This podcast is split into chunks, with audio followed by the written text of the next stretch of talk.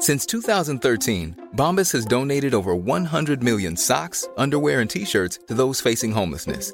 If we counted those on air, this ad would last over 1,157 days. But if we counted the time it takes to make a donation possible, it would take just a few clicks. Because every time you make a purchase, Bombas donates an item to someone who needs it. Go to bombas.com slash ACAST and use code ACAST for 20% off your first purchase. That's bombas.com slash ACAST, code ACAST. Hallo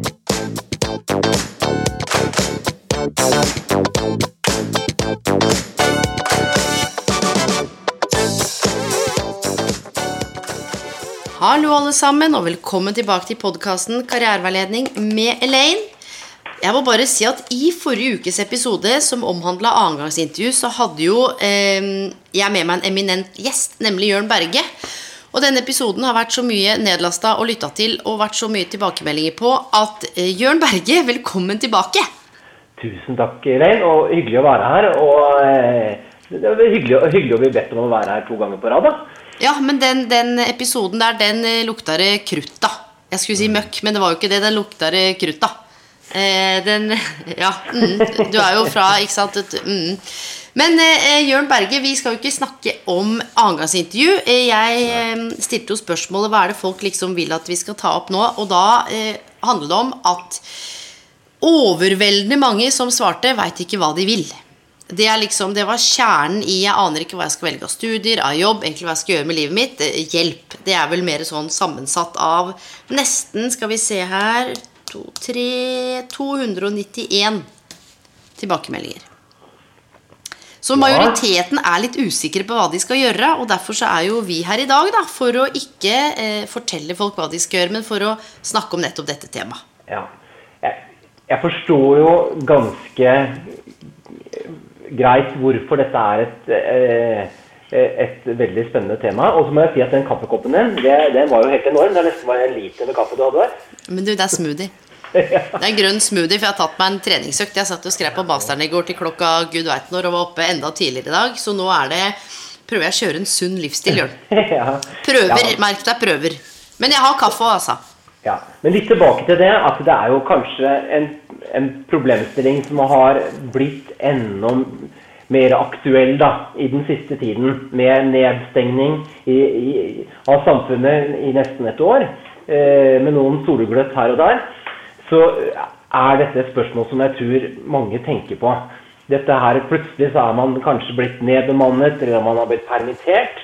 Eh, og, og, og I tillegg da, så har vi sittet veldig mye hjemme. da, noen har, eh, ja, har brukt tiden på konspirasjonsteorier, mens andre har brukt tiden på å tenke hva vil jeg med livet mitt. Det er jo et, det er et ganske stort utgangspunkt å svare på. Så eh, det jeg tenker som kan være kanskje litt lurt, i hvert fall som jeg kommer til å, når jeg skal si noe som jeg tenker, så er det litt å gi noen verktøy og noen tankemåter, altså noen perspektiver som kan være lurt å tenke over. Ja, og jeg tror særlig det første spørsmålet som vi skal gi oss på, altså hvordan velger jeg rett utdanning, så tenker jeg at eh, for det første så har det jo blitt litt mer komplekst å velge. Det er jo mye mer å velge mellom, eh, og det er veldig mange som skal mene noe om hva som er lure utdanninger å ta. Samtidig, så, sånn som jeg tenker, så handler det om å liksom starte med å kjenne etter hvordan er det man ser på utdanning for seg sjøl. Hvordan er det man definerer det begrepet for seg sjøl. For det kan jo være, Jørn, at man eh, kanskje opplevde at eh, barneskolen, videregående ungdomsskole ikke var noe for en sjøl. Eh, kanskje man falt utenfor, eller syntes noe var vanskelig, og kanskje ikke det var tilstrekkelig med hjelp. da. Og så har man kanskje en drøm om å ta noe høyere utdanning, men tenker at det er ikke for meg. Så, så det første Tenker du at utdanning er for alle? Det er litt betent spørsmål. Ja, altså, Definere utdanning er mitt spørsmål tilbake igjen. Ja. Eh, for det, for det, det, man må liksom finne ut liksom, litt for seg selv. da. Hva, hva betyr dette her uttrykket for meg? Utdanning. Eh, betyr det å ha noen kompetanser som gjør at jeg kan gjøre et yrke? Både, ja, både det som kalles harde ferdigheter og myke ferdigheter. da. Eh, så, så man må liksom finne ut Det, det, det er for stort det, i seg selv, det, det eh, perspektivet til at det kan liksom, Så man må finne litt ut av hva utdanning er. Det kan jo være å, å ta en, en årsenhet, en bachelorgrad, det kan være ta et kurs, det kan være ta yrkesutdanning.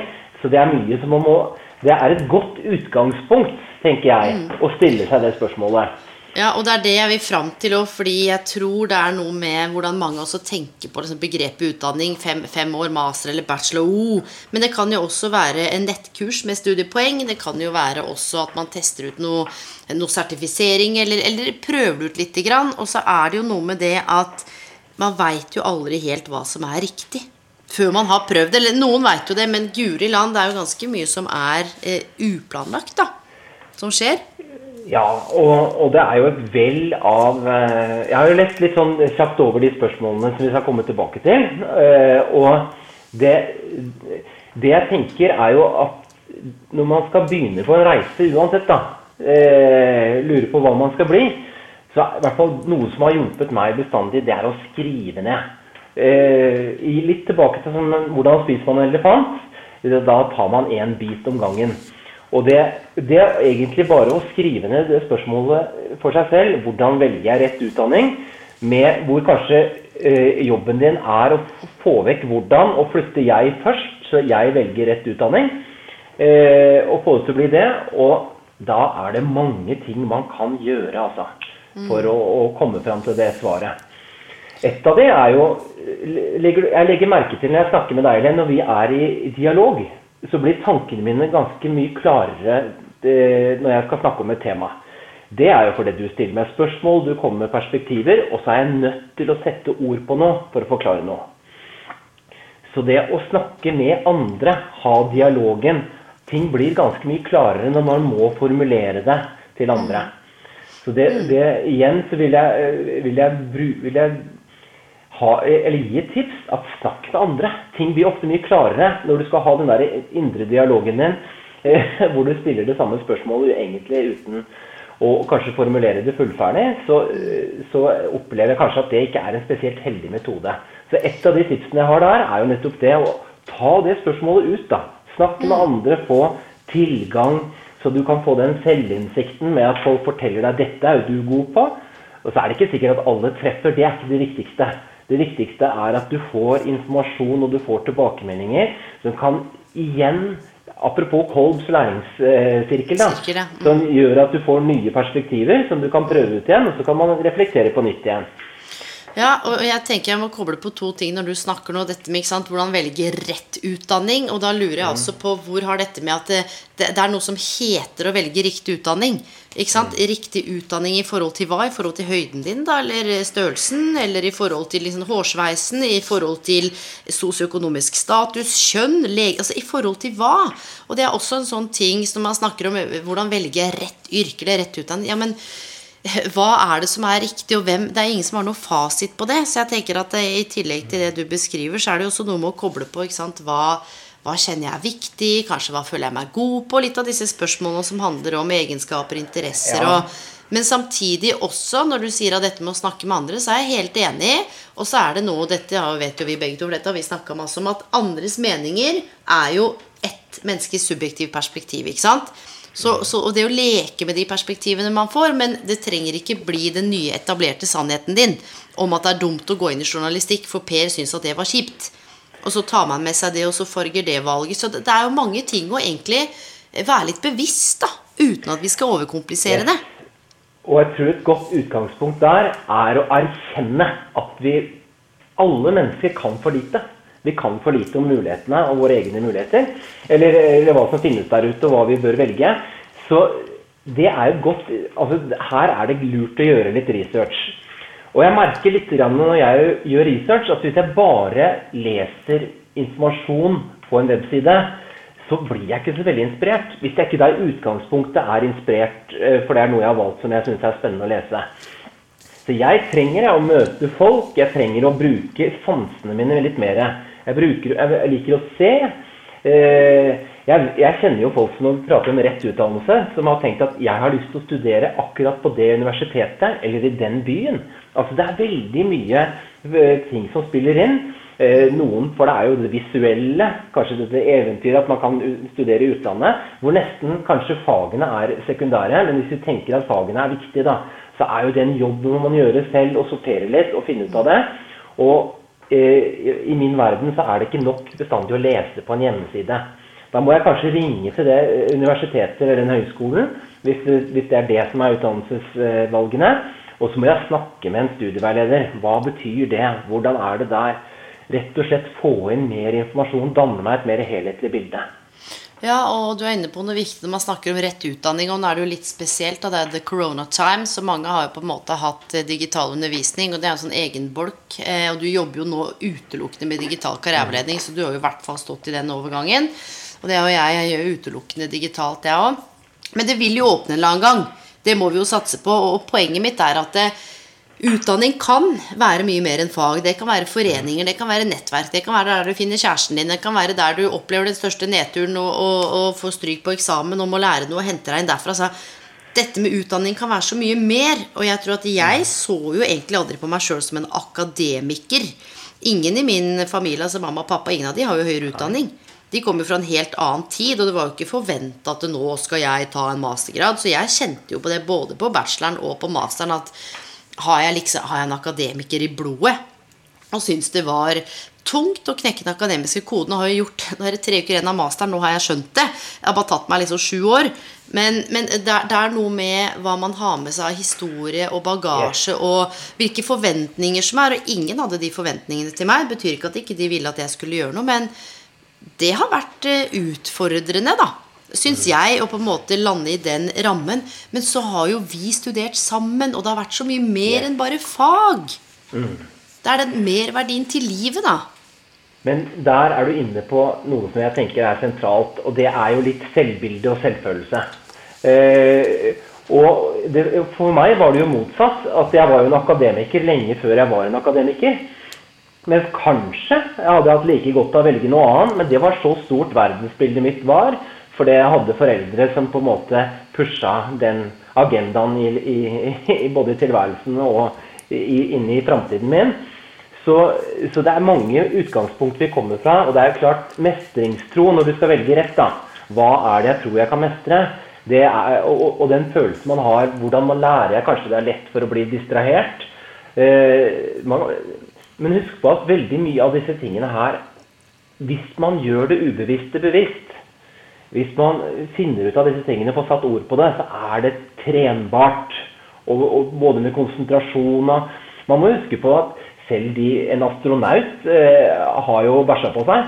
Eh, så, så, alle har en utvikling, og, og, og vi er ikke så eh, Vi er ganske de, like, vi mennesker. Ja, ja, nettopp. Så man kan få til veldig mye, men da må man tillate seg å, å å, være litt grei med seg selv, altså. Ja, og tåle, eh, for dette ser jeg litt sånn FOMO, altså den der eh, fear of missing out, at det er en del valg også, dette med å bli paralyzed by indecision, altså frykten for at hvis jeg velger det, så går jeg glipp av det. Eh, og det er jo ikke sånn at man velger utdanning for livet. Nå kan det være at du hopper av midt i, og du bestemmer deg for at 'oi, dette likte jeg', men jeg likte særlig det økonomiske aspektet av det, så nå vil jeg heller over til det. Ja vel. Eh, det er jo ikke sånn at ja, nå har du valgt den institusjonen, her skal du være i ti år. ikke sant, Vi fanger deg. Eh, og dette her har jeg lyst til å koble på altså Gelatt, en, en karriereteoretiker, så han snakker om positiv usikkerhet sammen med mm. Crumbolt, som vi liker begge to. som snakker om dette med livet skjer. Og de ferdighetene man kan trene på å kultivere, er jo nettopp fleksibilitet, åpenhet, mot, nysgjerrighet og optimisme. Og jeg tror hvis man går inn i å skulle forsøke å finne ut av rett utdanning i hermetegn med de ferdighetene eller den, den innstillingen, så er du litt som 'the world is your oyster'. Og jeg tror det er mange retninger Jørn, som kan passe. Du, Det er jeg helt enig i. Eh, men man må jo, da må man jo finne ut litt for seg selv. En del av den selvinnsikten er hva gir energi? Hva tar energi? Finne litt ut og Det er en jobb å finne ut av interessene sine, men jeg tror det er lettere å finne ut av det i samspill med andre. Mm. Eh, ved, ved, å ha dialog, snakke med nettverket sitt. Eh, snakke med eh, Hvis det, man finner noe som man syns er spennende. Kanskje man har lyst til å ta en yrkesfaglig utdanning i voksen alder. Mm. Men da må man jo eh, kanskje sitte på, eh, på skolebenken og, og, være grå i skjegget sammen med folk som har kviser. Men eh, det, da, da, da, må du liksom du, du, må ta For å få nok informasjon, så må du jo snakke med noen som, som har informasjon om dette. Gjerne studieveiledere eller skoler. Eh, hvor du får mer informasjon. Kanskje dra mm. dit til, til den skolen. da, Se hvordan det ser ut. Eh, det er, det er mange ting som er med, og hvordan du selv tar valg, da. Det er også litt greit å være oppmerksom på. Ja, ja, ja. Eh, Trenger, altså, trenger man alle detaljer? Noen kan jo bare hive seg i det. Trenger man å høre med alle andre? Stoler man på seg sjøl? For noen så er jo dette at noen sier 'det var et godt valg', 'det var en bra skole', ja, men da går jeg dit. Og noen er sånn jeg orker ikke høre på noen, jeg bare kjører min egen greie'. Så, så ikke sant, igjen da, med både karriereveiledning og alt som finnes av teori, og det er ikke noe sånn enhetlig svar. Eh, for å bruke det vi snakka om i stad, det å være litt eklektisk. Altså det, er, det er mange måter, det er mange metoder og mange strategier å velge da, for å finne rett utdanning. hermetegn. Men jeg tror vi begge står for hvert fall dette med å tørre å prøve. Men helt enig. Og en del av det å prøve, det handler jo ikke snuble på startstreken. Det handler jo om at sett, sett deg ned. Dette, det er et arbeid som kanskje tar et helt liv noen ganger. Det å finne ut akkurat hva som er din interesse. Kanskje det er lettere å se i etterkant også. Eh, Det er mange ting jeg tenker Er man trygghetssøkende som person, at det er viktig, så kan det jo være lurt å velge en utdannelse eh, innenfor noe som på en måte er, er mer forutsigbart. Og i dag så vet vi at både utdanning, altså det å jobbe med læring, eh, eller jobbe med helserelaterte ting, er jo ting som på en måte kanskje samfunnet vil trenge enda mer i, i framtiden. Så det å være litt strategisk når man velger, at her kan jeg få jobb, det ser jeg ikke som en dum avveiing i, i den prosessen. Men sette seg ned, skissere spørsmålene man har, finne ut hvor kan jeg få mer informasjon om det. Jeg kan lese på nettet, jeg kan snakke med, eh, med mennesker som har mer greie på det enn meg. Det er en jobb å få læring, og det er jo noe man vil ha bruk for uansett når man skal lære senere også. Det er å lære seg å researche og lære. Så da er det jo egentlig så fint da, at man ikke vet hva man vil. For da er det Ja. jo masse kompetanse å tilegne seg gjennom nettopp den prosessen å skulle finne ut av det. Det er Men jeg skal si én ting også. At det er en fin ting å kunne øh, være litt sånn bie og gå, øh, hoppe fra blomst til blomst og tenke litt sånn, men det er også ok øh, å, å ha en det er, noe, det er ikke noe dum å ha en litt sånn plan hva, gjør, hva, hva er lurt for meg å gjøre framover. Det å bli god i noe, som jeg ser det, det å, det å like den jobben du gjør, eller det, den utdanningen og det yrket du har valgt eh, og når, For når du, man har motivasjon og interesse av noe, så blir man gjerne eh, flink i det også. Og det ser jeg som en, det er kanskje den beste forutsigbarheten for å få jobb i framtiden. Ja, og dette her er jo så direkte inn i spørsmål nummer to, da. Apropos dette med hva du liker å gjøre, og hva som gir energi. Ehm, bør jeg bli i jobben eh, jeg har nå? Jeg misliker jobben, men det er jo trygt, og nå er det jo korona. Eller bør jeg liksom følge hjertet mitt og lidenskapen og på en måte Bør jeg bytte? Jeg har det ikke bra der jeg er nå. Ja, det er jo det er et vanskelig spørsmål å si, si et, et kort svar på. Men det kan jo Det å sette opp litt fordeler og ulemper, da, med kartlegge det litt for seg selv, da. Men jeg tenker jo at det kan jo kan man, Kanskje det er en fin motivator å stå i en jobb man ikke liker, og søke, søke seg videre eh, til noe. Men da er det jo greit for det første å finne ut hva skal jeg gjøre, da. Eh, og så tenker jeg jo også litt grann i disse dager med ganske høy arbeidsløshet at det å, å holde på det man har til man har fått noe nytt, er ikke et dumt råd å gi. Nei, og jeg tror det, ikke sant Det ene er jo eh, Du veit jo hva du vil fra. Og det er, litt, ikke sant? det er jo lett å vite. Man ser jo hva man har, og hva man ikke trives med. Men akkurat det du beskriver, eh, at, at kanskje skifte fokus Åh, jeg trives ikke her, jeg, jeg, la, la, la, la, Og det kan være mange grunner til det, men ja, hva er det du vil ha isteden? Altså, ikke sant? Hva, hva er det du vil til? Hva er, det du, er det arbeidsoppgavene som er utfordrende? Er det kollegaene? Er det ledelsen? Er det bare at du er drittlei? Må du pendle? ikke sant? Er det tid borte fra familien? Er det lønna som ikke står til pari? Det å sortere hva det er, og også på en måte Litt sånn som du sier, ja, at, at man, man, man- har en, en jobb og er takknemlig for det. øh, og, og ser litt hva man har. For det er litt spesielle tider i arbeidsmarkedet. Og så veit jo både du og jeg, vi har møtt mye mennesker som har stått i jobber hvor de virkelig ikke har hatt det bra. Nei. Så, men du sier noe som jeg har lyst til å løfte frem, at man trenger jo ikke si opp jobben sin og si sayonara, eh, bye bye fuckers, liksom, ha-ha, eh, og så plutselig så tar det to år å få seg en ny jobb. Det går an å søke jobb mens man er i jobb, men da er det Ja. noe med litt sånn redelighet i prosessen her, da. Ja, enig. Og eh, du, du eh, pekte på noe ganske viktig, disse både ytre og indre faktorer. da. Så det er jo greit å kartlegge det. Er det, det er jo litt noen ganger man har snakket med folk når de er i jobb også. Er, hadde det lønt seg å ta en, en, samtale med lederen sin? Eh, er det noe annet jeg kan gjøre som kan gjøre jobben min mer givende? Eh, men når det gjelder å søke ut, så er det Det er, det er ingen Det er veldig vanlig. Ja, det er ingen arbeidsgivere som trenger å vite at man er i, i, i søkemodus. Nei. Men når du har bestemt deg og, og, hvis du har tatt et valg at du skal forandre, det er jo da kommunikasjonen kommer inn. Det er hvor viktig det er å være redelig. Og si at nå har jeg fått drømmejobben min, og takk for all læring. Det går fint an å gå ut hoveddøra, eh, og det er, det er helt naturlig. Så man må ikke føle seg eller Det kan godt hende man føler seg, men det er i hvert fall, eh, sånn jeg ser det, er jo at mange veiledere jeg har hatt ansvar for, som har gått til andre ting, som jeg har et kjempegodt forhold til i dag, som jeg stilte opp som referanse på. Men det handler jo litt om eh, Det handler jo litt om ryddighet i kommunikasjonen. Men nå, nå, peker du også på noe viktig, da, ikke sant? Fordi jeg tror mange føler at de skylder arbeidsgiver et eller annet. Og så tenker jeg, nå, nå skal jeg være ikke kynisk, men eh, guri land, dette er mitt liv. Og hvis jeg kjenner at dette er, det er ikke det livet jeg vil ha på jobben, så kan jeg ikke bli i jobben fordi stakkars arbeidsgiveren. Nei. Tro meg, Nei. de finner noen nye, så det trenger du ikke tenke på. Jeg hadde jo en, en, en, en, ganske spennende jobb som mellomleder i et stort eh, selskap. Og tenkte at oi, her hadde jeg mye å gjøre, jeg var viktig. Eh, og så sa jeg opp, og så var det sånn ja ja, eh, livet gikk jo videre, liksom. Det var ikke mm. som om, om sjappa kollapsa. og det betyr ikke at ikke du er viktig, men du kan alltid erstattes, i hvert fall eh, stort sett, da, uten at vi skal bli lei oss over det. Men så tenker jeg samtidig, sett at man da er på intervjuer eller er på søkeren, men er i jobb. Og så er de som intervjuer deg, interessert i å komme i kontakt med nåværende referanse. Og så har du kanskje ikke fortalt sjefen at du er på dette intervjuet. Hvordan eh, skal man si sånn Nei, men du, du kan ikke ringe han, han veit ikke at jeg er her. Eller skal man si sånn Ja, men dette skal jeg ta med lederen. Altså, hvordan ville du ha løst det?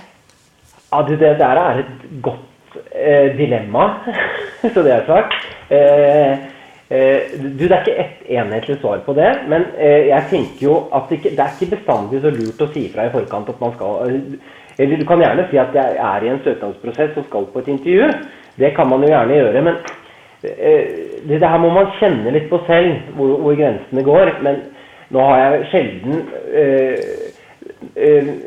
de, Vanligvis ringer man jo Eh, referansen i etterkant, så da har man jo muligheten til å ringe lederen sin og si fra det at jeg har vært på et intervju på drømmejobben min. Eh, og så, da, da, har man jo muligheten på det. Så begge deler går. Det kommer an litt på, kanskje på relasjonen også. Jeg er helt enig. Jeg er helt enig. Og så tenker jeg at eh, det er ofte, ikke ofte, men ganske mange ganger da, i alle de ti årene jeg har jobbet med dette her, møtt folk som er ordentlig misfornøyd med jobben sin. Og så har vi begynt, for vi vet jo at karriere kan jo ikke ses på som isolert fra eh, psykisk helse, fysisk helse, økonomi, nære relasjoner, altså spiritualitet, åndelig utvikling og personlig utvikling for noen. Eh, og, og frivillig og hobbyer og alt det som, som Vi er jo det hele mennesket på alle arenaer. Og så har vi kommet fram til at jobben er jo egentlig ikke så jævlig. Det er bare at eh, partneren eh, akkurat nå, det er trøbbel i forholdet, og unga er klin gærne, eller det er sykdom i nærmeste familie, eller det er en konfliktgående, og det drar man med seg inn. Og er egentlig litt sånn påvirka av det. Og så eh, vil jo det kanskje smitte over på kollegaene som man ikke helt ser sjøl. Så tenker man faen, så sure de er, Herregud. Og så ser man kanskje ikke helt sin egen rolle, eller hva man også bringer med seg inn. Og noen av de elementene der kan også være å tenke sånn Ok, hvordan ser det ut liksom på de andre arenaene? Er det noe som gir overslag til denne jobben, som er med på å gjøre at jeg Eller forsterke noe jeg misliker? Mm. Eller hva er det som er hva? For jeg tenker at skal man ta steget ut nå i disse tider, Sånn som du sa, så bør man eh, kanskje ha Jeg skal ikke si at å, man må tenke seg så grundig om og, eh, Men jeg, jeg, bare sa opp denne lederjobben og kasta meg ut i det. Men det er jo ikke et råd jeg vil gi til andre. Husk at jeg hadde masse penger på bok, jeg hadde solgt en leilighet, jeg reiste jorda rundt, det var jo andre tider. Jeg hadde ikke ansvar for noen andre enn meg sjøl. Det hadde jeg aldri gjort i dag. Nei, Og så en annen ting, Elaine. Så har jo du en personlighet som, hvor du er hvor det, ikke er så, det er ikke så vanskelig for deg å være modig og ta kontakt med andre mennesker. Det er en av dine styrker. Mm. Og dette handler jo litt igjen da, om selvfølelse, selvbilde. Eh, at du hadde tro på at dette kom til å gå bra. Mm. Eh, så det, det, må man kjenne litt på selv. Yes. Det, er noe, det, er ikke noe, enhetlig svar på det. Men Enten så, så, avslutter man et, et, jobbforhold, og så da må man bare jobbe beinhardt da, for å komme seg inn. Eller så kan du jobbe samtidig som du jobber for å finne en ny jobb, og bruke det som motivasjon at man ønsker seg et annet sted. Men da gjerne finne ut hva det er for noe. Ja, Og- Eller man kan starte for seg sjøl, eller man kan spørre om å få redusere stillingen sin til 70% fordi du har lyst til å skrive den boka, eller starte den strikkeklubben, eller eh, bare ha en liten forbanna pust i bakken, liksom. Det er, det er mange alternativer da, istedenfor å bare måtte si opp. Men selvfølgelig, har man kommet til det punktet at her vil jeg ikke være, så sier jeg bare go for it, ass. Men jeg tror det er lurt. Det er, vel, det er ganske mye som løser seg med god kommunikasjon. Kanskje noen ganger at hvis man har noen på jobben hvor man kan åpne seg og si det, dette er tankene mine, så kan Det må være noen du stoler på, da. Ja, absolutt. Men det er jo ikke noe galt i å ønske seg andre steder vanligvis. Det er, det er, som sagt, sånn, og det å ha en diskusjon med det, eh, i hvert fall med noen, og sortere litt hva grunnene kan være til det, det, det tenker jeg I noen tilfeller i hvert fall, så kan det være hensiktsmessig. Jeg er helt enig, og, og vi har egentlig vært litt inne på, på, altså på første spørsmål, hvordan velge rett utdanning, og nå hva skal jeg gjøre, jeg vet ikke om jeg har lyst til å være i jobben min lenger. Eh, og, og et spørsmål som også på en måte henger litt på det vi, vi snakker om nå, eller alt henger jo sammen med alt, men det er altså hvordan skal jeg finne ut av hva jeg bør jobbe med? Og der kan vi jo trekke en god del paralleller i forhold til hvordan velge rett utdanning. Og, og nettopp kanskje som du var inne på, ja, hva er det du egentlig liker å gjøre? Samtidig som alle må vel ikke elske jobben sin og finne mening og lidenskap, at jobben skal på en måte være the holy grail. Det føles jo litt sånn at alle har på en måte jobber som de bare Å, de er så meningsfulle, og Å, jeg har det så godt i livet mitt pga. jobben. Det er jo ikke sånn det er. Nei, Der er du inne på noe annet spennende. Når man skal velge litt, så må man tenke hvilke arenaer i, i livet er viktige. Noen ganger hvis man ønsker på, på ettermiddagen og kvelden å være hjemme med familien sin, så er det kanskje lurt å velge noe som er, er dagbasert da, av, av arbeid. Så kanskje de, rammene, da, konteksten, er like viktig noen ganger som innholdet av Og det, jobben. Og det var akkurat det, ikke sant? for kan du finne drømmejobben, eh, men du må pendle fire timer om dagen, og du har tre små barn, har du friheten til å Ikke sant? Hva Det er akkurat For én ting er altså hva er det jeg vil, hva, hvem er jeg, hva er jeg opptatt av? Ja, men hvor er jobben? Hva innebærer lønn, pendling, altså hvordan er posisjon strategisk plassert? Det er så mange ting her som på en måte spiller inn mer enn bare 'Å, jeg liker mennesker'. Og hvis man sier at man liker mennesker, så kan man gå på karrierekompasset på utdanning.no. Eh, der kan du trykke på at man har lyst til å jobbe med mennesker, så ser du egentlig alle, Alle. yrkene som, hvor det innebærer eh, mye kontakt med mennesker. Eh, så det er et godt sorteringsverktøy for å se litt eh, Så man kan begynne å klikke seg litt inn på de yrkene som man kanskje tenker er mest eh, relaterte da, i det perspektivet for seg selv. Eh, men ja, det handler om å komme seg litt ned på bakken eh, fra, fra de luftige perspektivene. Og da må man gjerne konkretisere noe mer etter hvert. Mm, Men tenk- det, ja. det, man trenger ikke alltid å vite helt hvor livet skal bære hen når det gjelder jobb. Men det er jo lurt, tenker jeg, å finne ut å jobbe med noe. Vi skal jo ofte jobbe syv og en halv, som betyr at vi er åtte timer på jobb med lunsjpause pluss reisevei hvis vi velger den veien der. Så det er jo, det er jo greit å velge noe som man liker å gjøre uansett. Eller noe Ja. som gir mening. Og husk på at det er mange ting som kan gi mening. Nettopp, og det er det, og det må man definere for seg sjøl, samtidig som det vi snakka om både her med selvfølelse og selvbilde, og hva slags hvem, Hvordan er det du ser på deg sjøl, og hvordan er det andre ser på deg? Altså, hvem sitt verdensbilde er du på en måte opptatt av å passe inn i? For jeg husker Ben Falk har jo et sitat, ikke sant? 'Slik vi betrakter et menneske, slik blir det'. Så hvis alle ser på deg som hun der snille som ikke setter grenser, som alltid stiller opp for andre, så er det lett å havne i litt sånn omsorgsyrker. Ikke sant? Ja, men du passer jo som din der, istedenfor å si nei, men, men egentlig så kunne jeg tenke meg Så det er jo også dette med å navigere i andre og seg sjøl, men igjen også den selvoppfattelse. Hva er det du egentlig tenker, mener og tror og føler om deg sjøl? Det er liksom en sånn der kjerne i Ok, det er plattformen min, og så kan man koble på verdier, egenskaper, det å se der ute. Hvilke skritt skal jeg ta? Og Jørn, både jeg og du har jo det sa vi i forrige podkast. Jeg har flippa burgere eh, på gatekjøkken. Jeg har jobba på kundesenteret Velos i ti år. Jeg har jobba i, i resepsjon på gymmen for å få gratis trening. Eh, jeg har jobba som lærer. Du har jo vært servitør. Du har jo jobba innenfor kommunikasjon og PR og drevet for deg sjøl. Det var mye vi har gjort før vi landa akkurat på den hylla her, så det er jo ikke, den e det er ikke, det er ikke dette ene valget. At hva skal jeg jobbe med? Det er mennesker. Ja, men da blir det sånn de neste 70 åra. Da er det Ikke sant? Nei, og det, det er litt interessant, for det, vi snakker om det å starte for seg selv. Jeg har jo drevet for meg selv, og jeg blei lei det i den konteksten jeg drev i. For det, jeg måtte finne på hverdagen min hver dag. Eh, hver morgen så måtte jeg sette opp eh, gjøremål. Men noe jeg liker i dag eh, Jeg liker jo å komme og vite litt grann hvem jeg skal snakke med, hva jeg skal gjøre. At i hvert fall en deler av jobben min eh, så er jeg klar over hva jeg skal gjøre den tiden jeg skal være der. Så Man må jo kjenne litt på den selv også, altså disse typer prioriteringene. Men jeg hadde aldri funnet ut av det hvis jeg ikke på en måte hadde reflektert, for det første, og hadde prøvd litt forskjellige ting.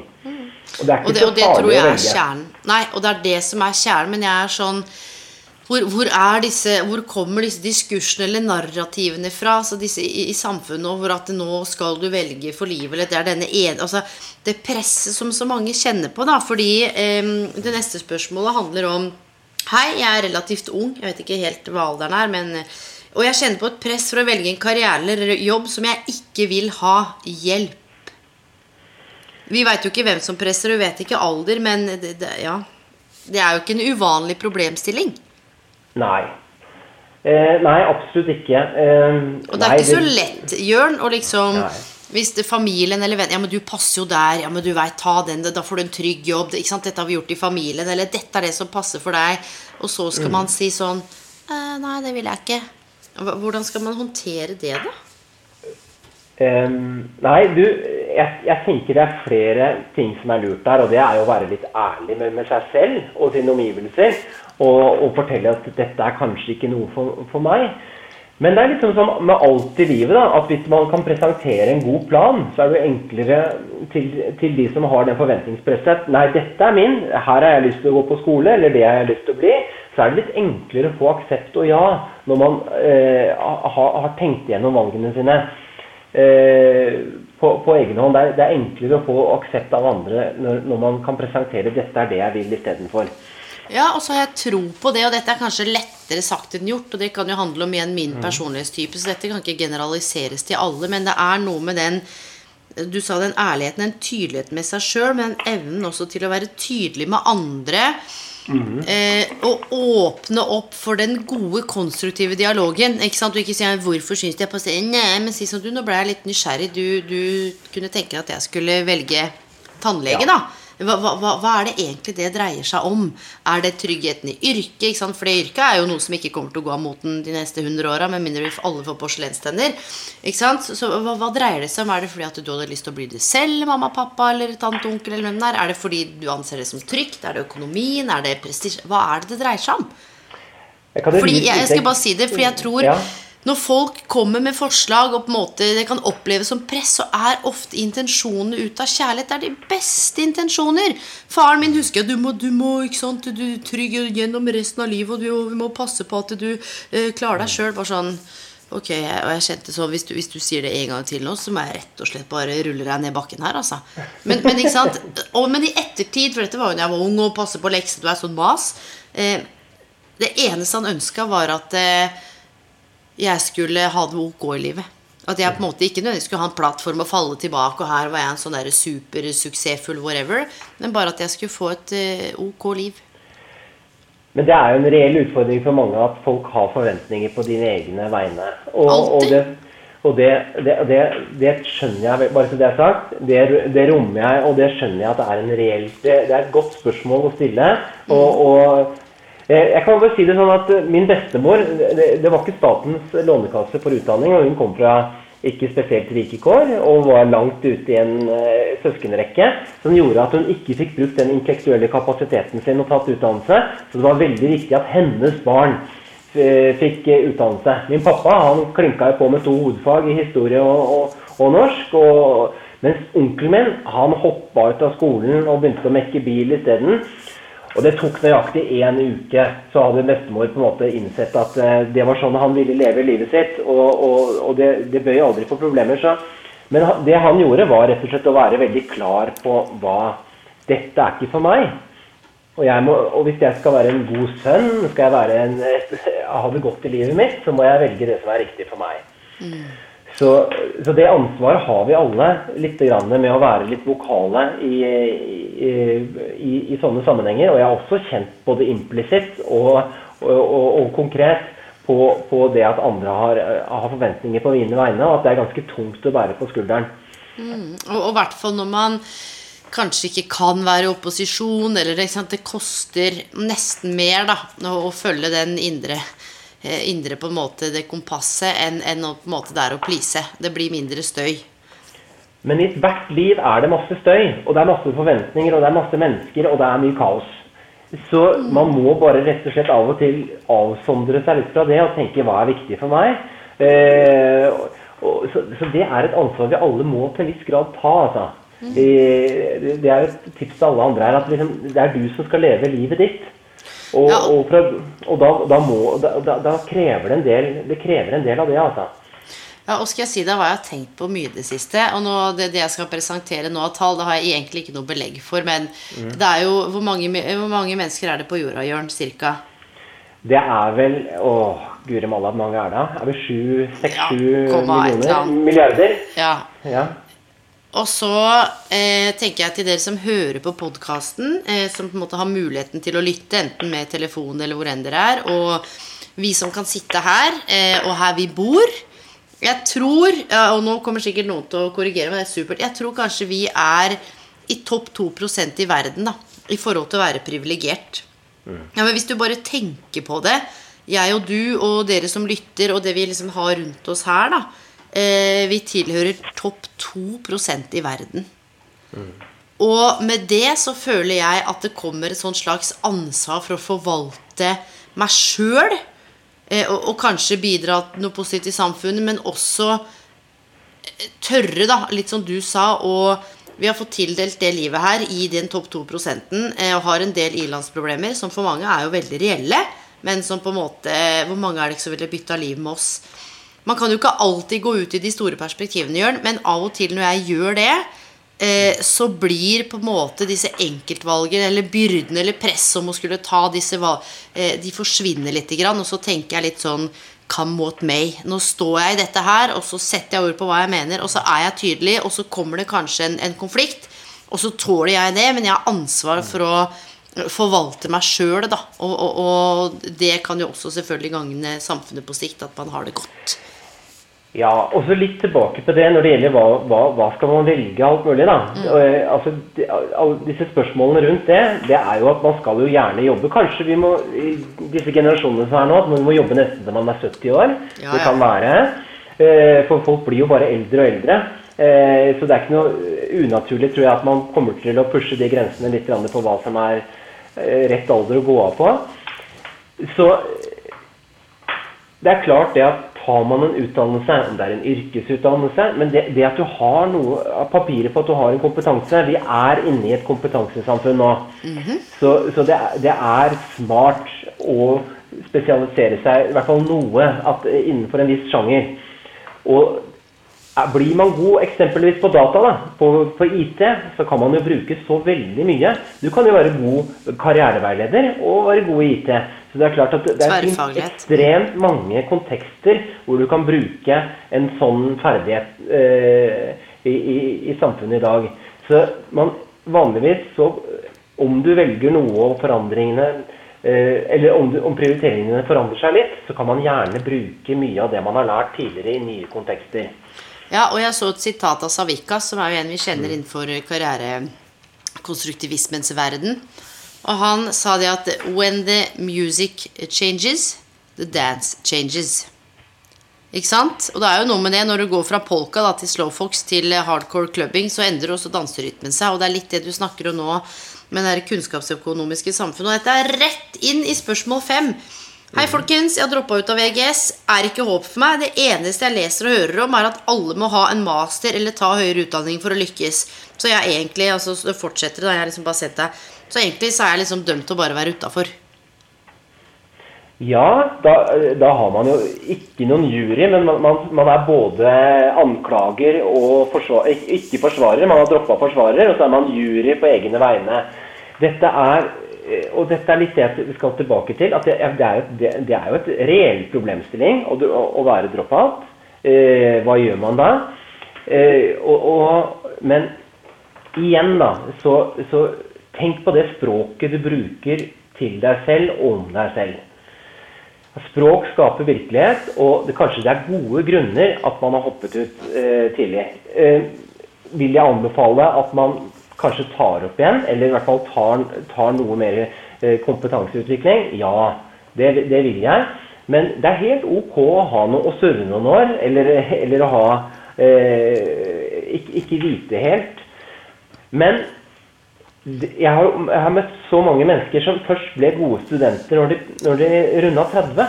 Ja, det er meg, ass. først da fikk de den roen i livet. Så la ikke liksom den mestringsfølelsen som når du kanskje var 15-16 år, styre deg. Det bildet du har da, sette stopper for deg. Nei, og man kanskje kan, man kan jobbe da noen år nå. Ikke sant? Snakker om en drop-out. Ok, så har man droppa ut, og det er ulike årsaker, sammensatte årsaker. Fine. Men hva gjør du herfra og fremover? Mm. Det er jo liksom det som er greia. Kan du skaffe deg en jobb? Er det, er det Kiwi? Digger å kjøre bil? Hva er det du kunne tenke Gjør det noen år, da. Og så får du et nytt nettverk, og så skjer den ut av det. Så kan du sette deg på skolebenkene hvis du ønsker deg yrkesfag. Det er jo det er ikke det bare sju år doktorgrad som er å regne som utdanning. Det er jo disse yrkesfagene som du har snakka om. Mm -hmm. Det fins kortere utdanninger, men som også gir deg masse muligheter.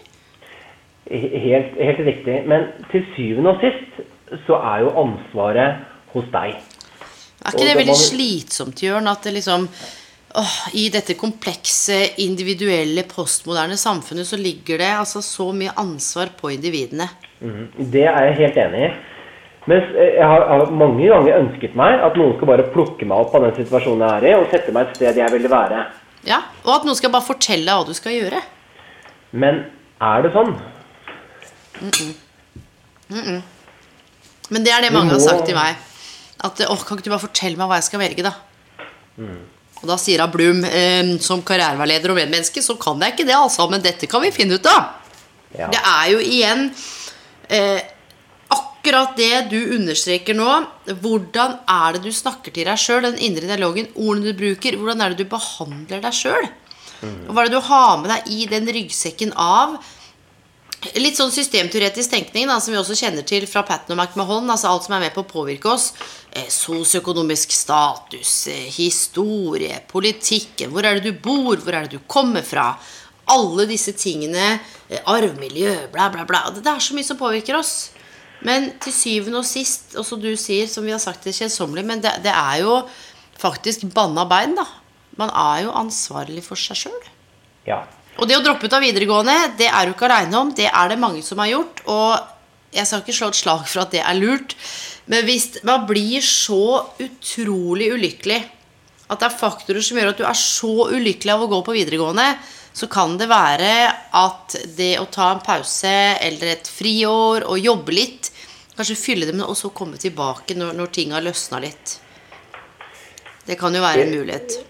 Det syns jeg var, eh, det var bra oppsummert. Mm. Uh, moving on. Vi har et par spørsmål igjen. Uh, og det er en som skriver uh, Shalabais. Jeg er permittert, vet ikke om jeg får tilbake jobben. Skal jeg vente, liksom? Eller skal jeg søke på noe nytt?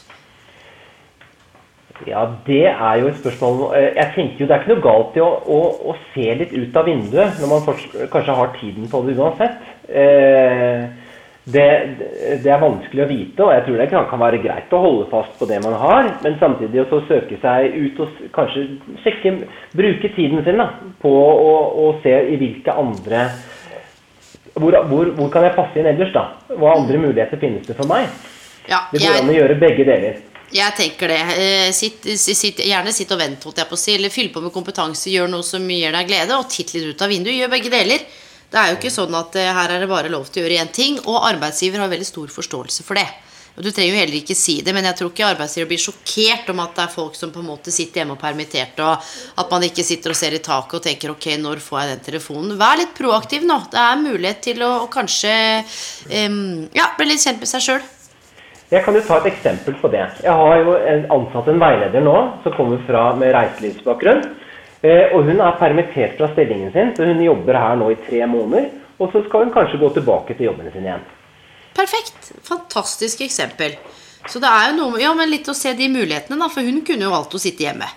Det er jo helt uh, suverent. Vi beveger oss over til det neste spørsmålet. Og den her, det her likte jeg. Kan det være Eller kan det være Kan det være bra å ikke vite hva jeg vil, siden det er det som var tema, da. Føler Ja. at alle har så sykt peiling. Og da skrev jeg tilbake liksom ja, men sykt, Det ser ut som alle eh, er så Det sto ordet er jævla lykkelig. At alle bare har så Alle har bare naila det. Kan det liksom være greit å være litt lost, da? Det er spørsmålet.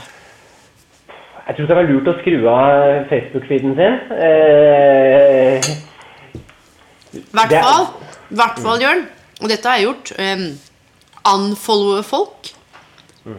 Både overalt som du kjenner liksom gir deg null, eller hvor du bare tenker blø. Sant? Eller som, som på en måte ikke Som stresser deg. Anfollowe å være bevisst hvor mye du scroller og hva du ser. Vi veit jo det livet på Instagram og Facebook. That ain't real life. Jeg kan si det at det er, det er jo en tanke som jeg også tenker ofte. At alle andre kan mer enn meg. Det, jeg tror det er en ganske naturlig tanke å ha innimellom. Eh, at, at, og det er, det er en fin ting. Det, er, det ligger en viss ydmykhet i å stille sånne spørsmål også, hvis vi skal uh, ta det litt videre. Så, uh, men, men, men ikke møbler. Altså det som er lurt, er jo å vite istedenfor å tro og tolke. Så, så uh, Og de som, hvis man sier har sykt peiling, så er det jo noen som på en måte er gode i noe, men da har de jobbet hardt for å bli gode i det. Eh, Men i dag så ser jeg at kanskje den der spisskompetansen det kan jo være viktig i en del sammenhenger, men ellers er det å være litt sånn potet, det å ha ganske bredt spekter da, av, av kvaliteter, er jo like viktig. Tenk bare på hvordan eh, vi kommuniserer nå igjen. Man må jo vite når man lager en podkast, så må man jo ha satt seg inn i hvordan teknologien fungerer. Så må man ha noe å snakke om. Så det, er ganske, det meste innenfor arbeidslivet er jo ganske sammensatt. Så eh, bare så det er sagt, så trenger man ikke å ha, så sykt peiling. Det er, det, er, det er litt hvordan du ser på det å lære og det, og det å tørre å prøve noe nytt ofte. Så jeg opplever at det er, er viktig. Kanskje kompetanser eller egenskaper i, i, eh, i en sånn sammenheng. Men jeg tror mange, og spesielt unge, og selvfølgelig også eldre, men kjenner på dette at eh, ja, når du scroller, da? Vi lever jo i en tid hvor teknologien har, har tatt oss. Eh, og det kan jo være på godt og vondt. Men, men ikke sant? Og det er sånn Å, se på meg, og jeg er så happy, og her smiler Alt er så oh, la, la. Altså den derre det gapet mellom hvordan en har det sjøl, og hva en ser der ute altså det, det, det, bare, det blir større og større, og det forsterker så innmari at man er en sånn failure. da At jeg er en som ikke veit hva jeg vil, jeg har ikke peiling. Eh, Alle andre har funnet sin greie, alle studerer og virker så innmari happy. Og wow, se på oss, og vi har. Altså, og så er det kanskje ikke egentlig sånn, sånn det er, da. Og den der å sammenligne seg med andre, eller eh, Det kommer vi aldri unna. Vi gjør det jo Vi er nok eh, mer bevisst nå enn det vi var for 15 år siden. Vi gjør det jo, vi òg. Men du vet, jeg, jeg, jeg har kommet til et sånt punkt i livet. Jeg er 38 nå, og jeg kjenner at det, andres liv er jo ikke mitt liv. Og andres portray av dem liv, dems liv er jo ikke nødvendigvis i tråd med sannheten heller. Men kan det være greit, da? Uten å måtte skru av alt av, av feed. Altså, kan man kanskje oppsøke andre ting som kan gi inspirasjon? Ja, Andre absolutt. personer eller sider eller sitater som på en måte gir deg noe annet enn eh, en eller annen som er så forbanna happy, liksom?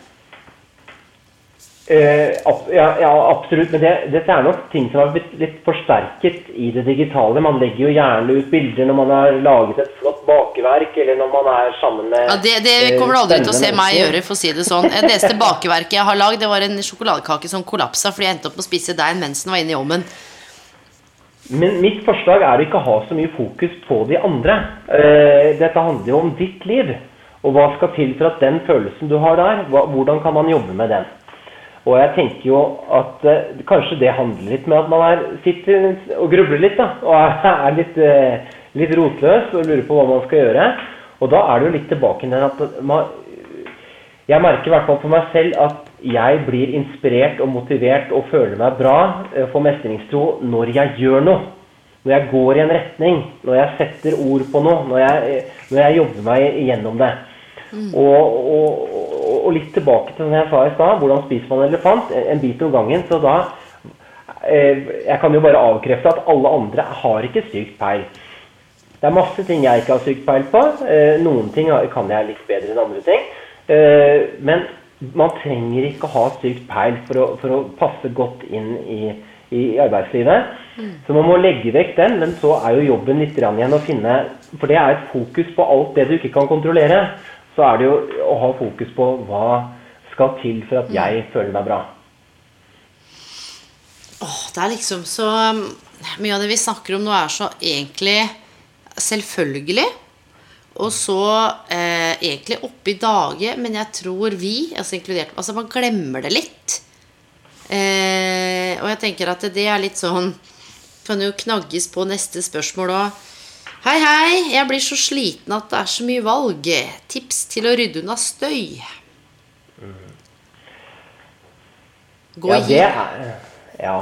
Um, blir du sliten av at det er så mange valg? Ja, hele tiden. Det er jo tusenvis av tanker i hodet mitt. Eh, Bare det å finne noe på Netflix, Jørn. Mm. Bare der har du 10 000 valg, som er på en måte noe som er så banalt, men også sa du mm. inni hodet ditt. Ja, og det, eh, det, det, er jo i hvert fall Det som har alltid hjulpet meg litt, det er jo når jeg vet at det er for mange valg, da, og at det på en måte distraherer meg, så kan jeg jo gjøre noe med det. Da har jeg gjort det ubevisste litt bevisst. da. Og det ligger litt i det spørsmålet her at man har gjort det ubevisste bevisst. Eh, ok, det er mange valg. Hvordan, hvordan, håndterer jeg det? Det er et godt utgangspunkt, det. Tenker jeg. Eh, jeg merker når jeg skal konsentrere meg og skrive, f.eks., så har jeg en sånn egen app hvor jeg kan eh, koble av internett. Jeg setter meg gjerne i et rom hvor ikke telefonen min er. Eh, du kan trene på det å, lese. Jeg merker noen ganger fordi jeg er så vant til å være litt på iPaden, litt på mobilen og, litt på PC-en, at, at, jeg blir litt sånn forvirra i huet. Så noen ganger så må jeg trene på konsentrasjon. Og da kan jeg sette meg ned og si at nå skal jeg, nå skal jeg lese en bok som jeg syns er litt kjedelig, i 15 minutter. Så kan du trene på det og øke det. Så liksom sånn, det, er, det, er, mye ting man kan trene på her. Og når det gjelder dette at det er så mange valg, så må jo en del av jobben å være å få disse valgene mer konkrete ja, og spesifikke. Og så tenker jeg liksom tips å rydde unna støy, og da tenker jeg er det egenstøy? Eh, ikke sant? Og herregud, det er så mye å velge. Er, er det det, eller er det andre støy som vi har vært inne på, som skal mene noe? Er det bare Er det for mye, liksom? Er det og du sa i utdanning.no på Jobbkompasset så er det en sånn fin sorteringsmekanisme. Mm. Er det sånn at du ser Hjernen vår har en tendens til å vandre både mellom fortid og fremtid og nåtid. Er det sånn at du trekker veksel på alle de erfaringene du har gjort hvor du dreit deg ut? da eh, Eller snubla eller feila, som man pleier å si, selv om det er ikke noe som heter feil. For man skal jo lære av det. Men liksom, ja, hvor du dreit deg ut litt, Er det det du har med deg, eller er det den frykten for fremtiden, eller at du på en måte tar med deg disse valgene og hvis jeg velger det, så kommer det til å skje. Ikke sant? Er det, hva, er det som er den støyen, da? Kombinert med det du sa, Jørn. For liksom få gjort det ubevisste bevisst nettopp ved å definere hva er det som gjør at du bruker begrepet støy. det hadde jeg vært nysgjerrig på. Ja, ja så er, kan du jo egentlig lage en to do-liste. Man kan skrive ned hva er det, konkretisere hva er det som gir meg støy. Mm. Kanskje det er verdt at man ikke har betalt en regning som ligger og surrer bak i huet. Altså få ting gjort. Få det kryssa av. Det mm. tenker jeg det er, det er, en god måte å få litt mer balanse i livet. Mm. Det er å få ting gjort, ikke bare skyve ting foran seg. Og det kan faktisk være en ukas oppfordring. Hvis det er noen ting du bare egentlig inni deg kjenner at du burde ha gjort, tatt en telefon, betalt den regninga, sjekka ut den nettsiden, ringt den studieveilederen, eh, tatt en samtale med sjefen, sagt unnskyld til en kollega eller gitt en kollega en kompliment eller bedt ut på date, mm. gjør det. Just do it. Gjør det. Og nå skal vi over inn i det siste spørsmålet, Jørn, og det er du har jo liksom bare fått selve spørsmålet. Så hei, hei. Gleder meg til at dere skal ha podkast sammen igjen. Den forrige podkasten var tipp topp, så nå har jeg endelig turt å liksom sende inn spørsmål til deg, Elaine. Jeg skulle ønske at jeg var litt modigere. Tror dere at dere kunne ha hjulpet meg eh, Tror dere at det kunne ha hjulpet meg og min karriere? Altså, altså, hadde, altså, At det hadde vært til hjelp for karrieren hvis han var litt modigere, da, og eventuelt tips eller hvordan. Nå veit jo ikke vi hva slags karriere, eller, men men liksom dette med å være modig da, som knytter seg til sin egen karriere. Tips. Ja, men vi ser jo det i karriereveiledningsteori at, at det mot til å ta litt sjanser, det å tørre å gjøre litt ting, det, det fremheves som en god karrierekompetanse. Eh, så, så jeg vil si ja. Og, og det, er nok, det, det, det, det er nok ikke bare i karriere, men det å tørre å det å være litt modig og så finne ut hva det er for seg selv. da. Hva vil det si å være litt mer modig? Når må du være modig, Helen? Å, herregud. Du, eh, det Skal jeg si deg en ting? Det er jo på ulike arenaer. Det er sånn som du sa, det for meg å på en måte velge å, å si opp jobben og hoppe uti det eller snakke, ikke sant? Sånne ting. Men jeg kjente jeg måtte være ordentlig modig eh, når jeg ble mamma. Det krever liksom mot hver dag til å stå og håndtere situasjoner, og du blir jævla sårbar. Det er en helt annen greie. Jeg kjenner jeg må være eh, modig eh, på egne vegne når det gjelder å bli bedre kjent med seg sjøl, for, for, å utvikle noen deler av meg sjøl som jeg ser kanskje at jeg har hatt med noen mønstre fra barndommen, eller noen, noen mønstre i forhold til valget jeg har tatt, som ikke alltid har eh, gagna meg, da. Når jeg ser tilbake. Eh, det var modig for meg å starte den podkasten her, eh, fordi jeg har aldri gjort det før. Og sitter jo og lager den podkasten hjemme, eller har jo vært rundt og ute og vært modig å takke nei til alt av spons. Jeg vil ikke ha penger for å snakke om noe jeg brenner for, og plutselig skal du få øyevippserum midt inni dette her. Det kjenner jeg helt på trynet, liksom. Det har kostet, faktisk kosta litt å, å, bare si nei. Mm. Um, og så har jeg vært veldig nøye med hvem jeg samarbeider med. Jeg har takka nei til noen oppdrag som kunne gitt mye penger, men som har vært crappy verdimessig. Det koster. Men jeg tror summa summarum, vet du hva, mot når jeg må være modig Det er eh, Vet du hva, jeg er modig når jeg er meg sjøl. Det er faen meg vanskelig, Jørn. Helt seriøst, og jeg er 40 år snart, og det har tatt, eh, tatt nesten 40 år av livet mitt å ikke lande, men å, men å erkjenne en del ting, da. Det krever Ja, det, men det er en ferdighet man kan øve på også, å være litt modigere. Og jeg tror liksom Hvis vi skal ta det barneeksempelet, da, så er det igjen som er vanlig at uh, man gir seg jo ikke første gang man prøver å gå. Uh, man bare gjør det til man klarer det. Og fått nok muskler og balanse. Og Eh, jeg var modig i forrige uke. Da hadde jeg et møte med alle veilederne. 20 veiledere. Så spurte jeg de rett ut hvordan vil vi vi skal kommunisere, hva er viktig. Eh, og til slutt så, så kom det en person og, og slakta humoren min. Eh, Nei! Ja, ja. Og, og det, I plenum? Men, ja, absolutt. Eh, så, og, det, og, så tenkte jeg etterpå Jeg reagerte ikke på det. Jeg bare skrev noe, så tenkte jeg nå skal jeg heller tenke over dette her. Mm, mm. Og så er det jo ikke sånn at jeg ikke liker humoren min allikevel. Jeg syns humoren min er eminent til tider. Men, ja, til tider. Der sa du det. Til tider. Ja, Men så skjønte jeg at også humoren min kan dekke forskjellige reaksjoner hos forskjellige mennesker. Yes. Det betyr det at jeg i en, i en gitt situasjon kan på en måte dempe meg litt. Grann. Eh, og det, det, var, det, er liksom, det var nyttig tilbakemelding for meg, og jeg, jeg, er veldig glad for de gangene at jeg, jeg, at jeg tør å ta sjanser for å, og når jeg får svar, at jeg kan noe At jeg evner. kan evner ja, å, ta det innover meg. Mm. Og jeg, jeg, må jo si at jeg syns du er kjempemodig, for du er jo veldig hjertestyrt. Og du er også mm. selvfølgelig superoppegående og rasjonell og pragmatisk, og men du det er noe med de verdiene dine og den magefølelsen din som er så sterkt kompass for deg, da. Men samtidig så er jo ikke det så modig for meg, for det er, faller meg naturlig. Yes, og det, det, var akkurat det. Er det. det er akkurat ja. det at det er mange måter å være modig på. For noen så er det å koble mer på hodet når man egentlig bare har valgt med hjertet. Og for noen så er det å styre mer med hjertet, og for noen så er det å eh, si opp jobben og hoppe ute. For noen så er det å gå forsiktig fram. For noen så er det å bare tørre å, å, bruke stemmen sin eller si navnet sitt høyt. Og for noen så er det nettopp det å holde kjeft. Det mm. er alle disse kombinasjonene av eh, både personlighetstrekk og faktorer som vi var inne på sist, eh, konteksten du er i. Og her er det ikke noen fasit, men, men som vi har vært inne på med karriereteorien og med dette med å trene på å bli modigere, så man kan tørre å ta litt mer sjanser og våge litt mer det er sjelden at det går helt gærent, altså. Med mindre du hopper på noe, noe, greier som du kjente at du ikke burde gjort, liksom. Nei, og hvis jeg skal gi noen tips på dette, da, en, hvis, hvis, vedkommende er i en jobb, da, som stilte det spørsmålet, så er det jo kanskje dette her å, å, fortelle, hvis man har lyst til å ha litt utvikling på jobben, da. Ikke vær så redd for å si fra om det. At eh, jeg ønsker meg å være med på det prosjektet, eller jeg har lyst til å gjøre disse tingene. Ved å si mer ja og ta litt mer sjanser, så tror jeg også man får mer at man får tilfredsstilt flere av ønskene sine i jobblivet. Så, men da må man gjerne kommunisere det. Og jeg merker det litt som leder selv også, når noen forteller meg jeg har lyst på mer ansvar, jeg har lyst på det og det. Så har de sådd en tanke hos meg, og når det kommer en mulighet for det, så er jeg jo klar over at, ved, at vedkommende har allerede sagt eh, seg villig til å, å, kunne jobbe med det. Så det handler om å, av og til å sette ord på ting og, og kommunisere det ut. Så er det større sjanse for at ting skjer. Og det krever jo litt mot.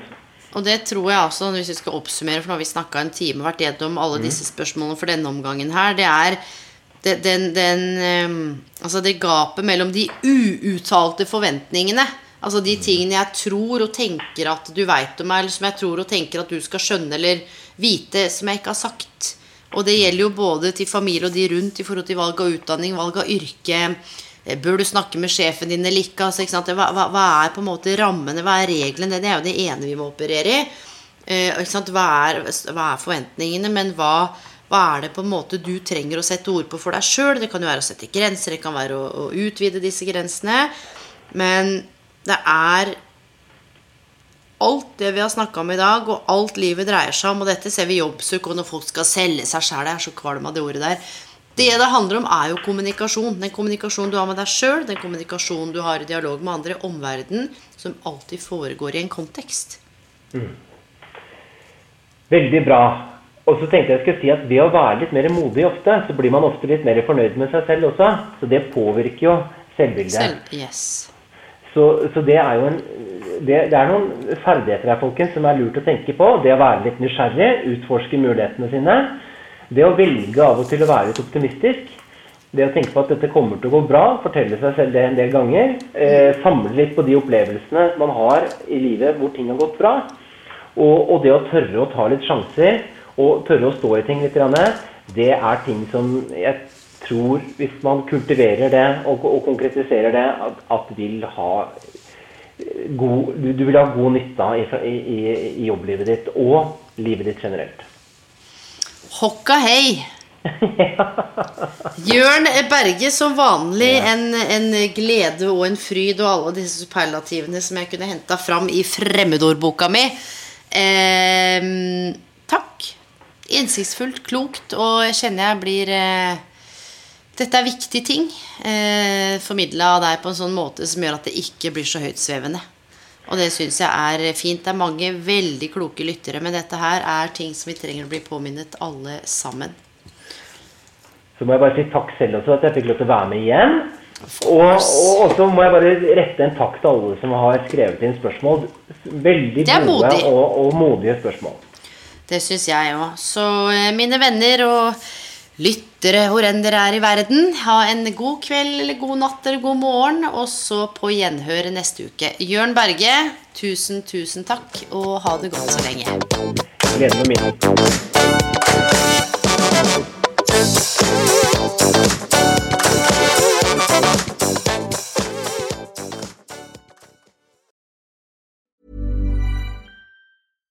My business used to be weighed down by the complexities of in person payments. Then, Tap to Pay on iPhone and Stripe came along and changed everything. With Tap to Pay on iPhone and Stripe, I streamlined my payment process effortlessly. Now I can accept in person, contactless payments right from my iPhone. No extra hardware required.